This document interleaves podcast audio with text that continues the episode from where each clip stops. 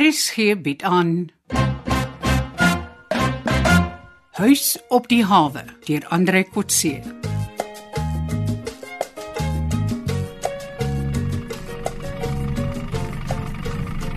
Jappie, Yes Anton. jy kan maar die hommeltuig inbring. Ek dink die valke en die vloot sal nou tevrede wees. Jep, hulle kan nou al aan die dossiere werk om die bewysstukke agter mekaar te kry. Jy moet die videomateriaal liewer fisies gaan aflewer op 'n datastokkie of 'n skuif. Dan kan jy dit met hulle deurgaan en al hul vrae beantwoord. Kan ek vir jou 'n paar vrae vra? Ja, natuurlik. Maar ek weet min van daardie goed, dis mos jou terrein. Nee, ek praat van ander vrae. Wat nou? Wanneer gaan jy vir Rina sê Wat sê? dat jy nou met Connie ook uitgaan? Ag, dit is nie so nie. Ag man, ek het mos ore wat kan hoor. Doen jy meeluistering op ons veilige netwerk ook? Ek kan genoeg aflei om te weet dat jy en Connie besig is met 'n bou van 'n persoonlike verhouding. Ek het 'n bepaalde doel met die verhouding. Ek glo dit en sy ook. Alle sulke verhoudings het 'n doel. O, hoekom wil jy hê moet ek vir Rina vertel van die verhouding? Omdat ek Rina se belange op die hart dra. Ek hou nie daarvan dat sy bedrieg word. Dink jy ek bedrieg vir Rina? Ja, Dan kan jy haar maar gaan vertel. Ek kan dit verduidelik. Jy moet dit self vir Rina vertel. Hoekom? As ek dit doen, mag sy dink ek is net jaloers en wil julle pret bederf. En as ek dit doen, mag sy dink ek probeer om haar jaloers te maak. Nee.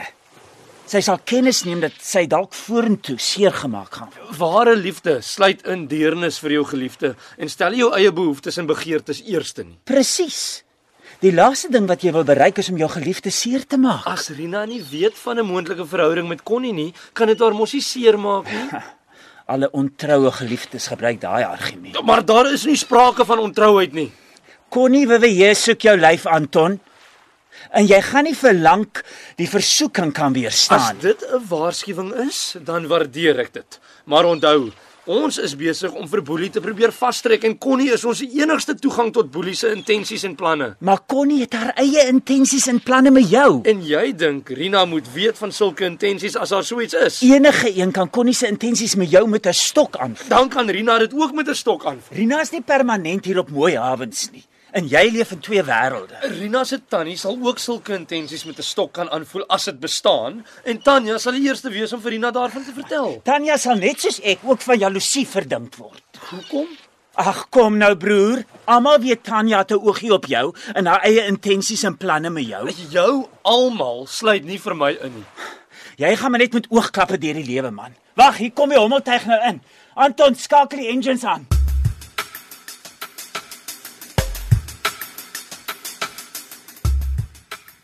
Ja, een ding. Die engines is nog splinter nie, kaptein. Ah, Sy is al die signs van soutwater of roeswys oor Kersfees, hè? Ag, Nigel, ek glo maar aan die skoonmaak van die bewegende dele van die boot een keer per maand. Ja, wanneer gaan ons die boot gebruik om die stroopers te vang, Anton? Dink die wetstoepassers sal hul eie boot gebruik as dit nodig is. Seker die vloot se patrolleboot. Die arrestasies geskied dalk nog op land. Ja, ek is bly as mense van elders wat die ondersoek en vervolging doen. Hoekom? Ek wil nie saam met ons local speuders en polisiemanne om 'n tafel gaan sit nie. Hoekom nie?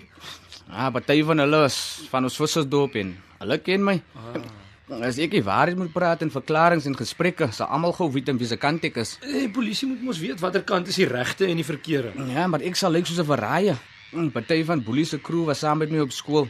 En boelie se pelle binne in die polisie sal vir hulle gaan vertel dat ek is die pimpel. Jy hoef nie bang te wees dat ons voor die plaaslike polisie verklaring hoef af te lê nie, Nigel.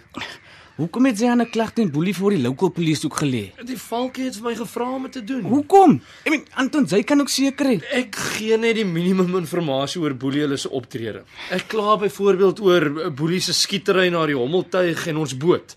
En dit wat ons met die blote oog kan sien. Ons hou die belangrike bewyse oor smokkelary vir onsself en gee dit vir die valke. Hoekom?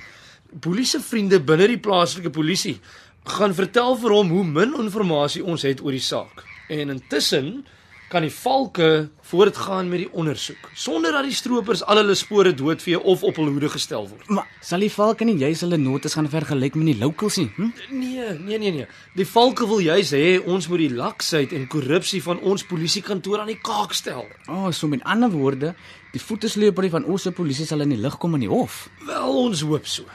En ons hoop dat polisie informante binne die polisie uitgewys sal word.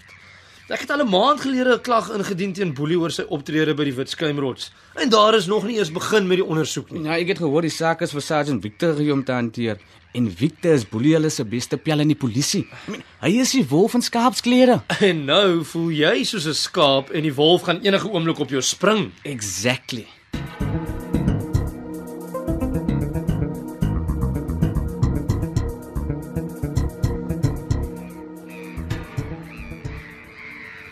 Ag Anton, is mos nie nodig dat jy so ver van my af moet sit nie. Ek verlang dag en nag na jou en dan as jy na my woonstel toe kom en lyk dit of jy bang is vir my. Verina, wag net. Ek wil jou sien. Jy's vir my mooi. Ek wil jou skoonheid geniet. Maar dit lyk nie asof jy aan my wil raak nie. Jy jy jy's soos fyn porselein. Ek wil jou nie breek nie. En ek vertrou nie myself nie. Ek besef ons het nog 'n lang pad om saam te loop voordat ons van trou kan praat. Hoekom? Jy het nog baie studiejare voordat jou tannie jou sal toelaat om met 'n arm visserman te trou. Maar my studies kan ons voortgaan. My tannie of jou armoede sal my nie keer om met jou te trou as jy my vra nie. Wees nog net geduldig totdat daardie dag kom. Ons moet nou eers die probleem van boelie in die sindikaat oplos. Dit is nie oukei okay nie, maar kom ons gaan aan. So, wat moet ek volgende met Boelie regkry? Nou, hy soek die sketsplan van 'n perlemoenteelplaas by jou. Hy en sy sindikaat het een gesien wat deel van die universiteitsstaak was. Ja, Boelie wil dit koop, maar daar's twee probleme. En wat is dit? Die sketsplan is nie professioneel nie. Dis deel van 'n akademiese taak wat nie aan my behoort nie en nie deur my verkoop mag word nie. En die tweede probleem, Die skets is bedrog. hoekom bedrog? Dis nie die produk wat hulle dink dit is nie. Hulle verstaan nie wat hulle beet het nie. Hulle dink dit is 'n argitekskets van 'n plaas. En intussen is dit 'n blokdiagram om aan my professor te verduidelik ek verstaan die teelproses. Maar dis wat die sindikaat wil hê en jy kan dit verskaf. Dis nie ons skuld hulle is te dom om te weet wat hulle behoort te hê nie. Dis oneties en is vals. As ons dit as 'n bewysstuk wil gebruik in die hof, sal die verdediging ons saak uitmekaar trek. Ja. Veral as ons vergoeding daarvoor aanvaar. Kan ons eers 'n outentieke geloofwaardige sketsplan van so 'n plaas kry? Want jy weet wat deur 'n argitek opgetrek is. Wel, jy het my vertel van 'n perlemoenteelplaas naby Oos-London. Ja, Kan ons nie by hulle vra vir 'n afskrif van die sketsplan wat deel was van hulle argiteksplan nie? ek ek ken die pa van 'n ingenieur wat daar werk. Okay. Ek sal vir die pa vra om my op die spoor van die seun te sit, maar jy sal moet vlieg om dit te gaan haal. Ho hoekom ek? Omdat jy al een is wat weet wat hulle regtig behoort te hê. Dit is belaglik. Die Chinese weet nie wat my skets is wat hulle so graag wil hê nie. Ek weet wat se planne hulle nodig het as hulle regtig so 'n plaas wil ontwikkel. Maar wat help dit om geld en energie te mors om iets te gaan haal wat hulle eintlik nie wil hê nie? En uiteindelik gaan dit net om Boelie en die twee Chinese bymekaar te kan arresteer. Ag, nee, wat nee, ons sal moet oordink.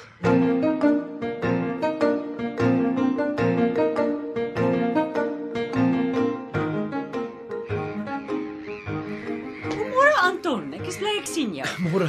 As jy 'n tydjie het, kan jy gou by my kantoor inloop. Seker, uh, kan ek sommer nou kom? O ja, asseblief, kom in. Ek het net gou by Rina ingeloer. Ek het so geraai. Julle sien mekaar mos nou gereeld vandat ons vorige ooreenkoms met jou boetie Japie gekanselleer is. Ja, nee, dit het onhoudbaar geword. Ek en Rina het besef ons is vir mekaar bedoel en ons wou nie met 'n skelm vryery agter Japie se rug voortgaan nie. Jy noem dit waaroor ek wil praat sommer nou by die naam, die vryery. Ehm uh, ja, dit- nee, dit dit, dit klink kru, maar eintlik is ons besig om te bou aan 'n verhouding. Ja, dit is die tempo van daai bouery wat my bekommer Anton. Jy's in jou laat 30s en sy's nog pure kind. 20. En ek wil reguit vir jou sê dat ek bekommerd is oor Rina se studies. Sy begin na hierdie vakansie met haar derde jaar en sy het nog 'n paar jaar se studies in gedagte. Ek verstaan. Jy is bekommerd dat ek hastig sal raak en dat sy haar studie sal staak. Ag, ek is amper meer bekommerd dat sy haastig sal raak. Sy's die sigbaar verliefde een. Ek wou net vir jou noem van my bekommernis. Sy's impulsief en dit is moontlik dat sy nie haar akademiese loopbaan sal wil voltooi nie. Ons het darm albei motors waarmee ons oor en weer kan kuier. Maar die reistyd en kuiertyd sal te veel eise aan julle verhouding stel en haar studie sal daaronder lê om nie van die finansies te praat nie. Ons het al daaroor gesels en dit lyk gelukkig dat sy steeds 'n ambisieuse student is tanja. Ek het niks teen julle verhouding nie, Anton. Ek vra net dat jy asseblief sal aanvaar dat ek haar voog is. En ek wil graag hê dat sy tog haar studies moet voltooi. Ja. Miskien moet sy selfs nog 'n paar jaar werk voordat sy trouplanne maak. Daaroor kan ek nie alleen besluit nie, maar ek is bly dat ons albei kan weet wat jou siening is. Ons sal dit respekteer. Jy moet net besef dat ons liefde nie net van my kant af kom nie. Nou, ek weet dit. Dit is hoekom ek met jou praat. Rina is koppig en sy sal nie na my luister nie. Gee 'n bietjie kans. Ek en Rina sal dit uitpraat. Ek voel sy moet haar studies klaarmaak, 'n bietjie van die groter wêreld sien en daarna besluit of sy as opgeleide marinebioloog op mooi hawens wil kom werk en bly. En dan is daar ook nog die aandag wat Rina aan Boelie gee. Ek weet jy keer dit goed, blykbaar om inligting te bekom om my saak teen Boelie te ondersteun, mm. maar dit klink vir my te gevaarlik. Sy's te jonk om in sulke situasies koekop te bly. Tanya, dis ook Rina se inisiatief en voorstel. Rina spioneer op Boelie en is glad nie in 'n romantiese verhouding met hom nie. Maar Nou, ek dink sy's te jonk en sy's nie opgelei vir sulke werk nie. Kyk, Rina is 'n kosbare skakel met Boelie oor sy planne. Sy luister nou juis weer na Boelie se planne met die perlemoenteelplaas. Hy soek sketsplanne vir so 'n plaas. En Rina het 'n plan om sulke sketsplanne as aas te gebruik om van die syndikaatleiers saam met Boelie op 'n plek te kry waar hulle gearresteer kan word. Rina het altyd planne.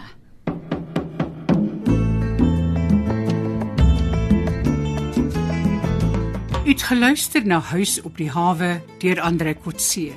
Die spelleiding is behartig deur Ronel Geldenhuys en die tegniese en akoestiese versorging is gedoen deur Cassie Lauers.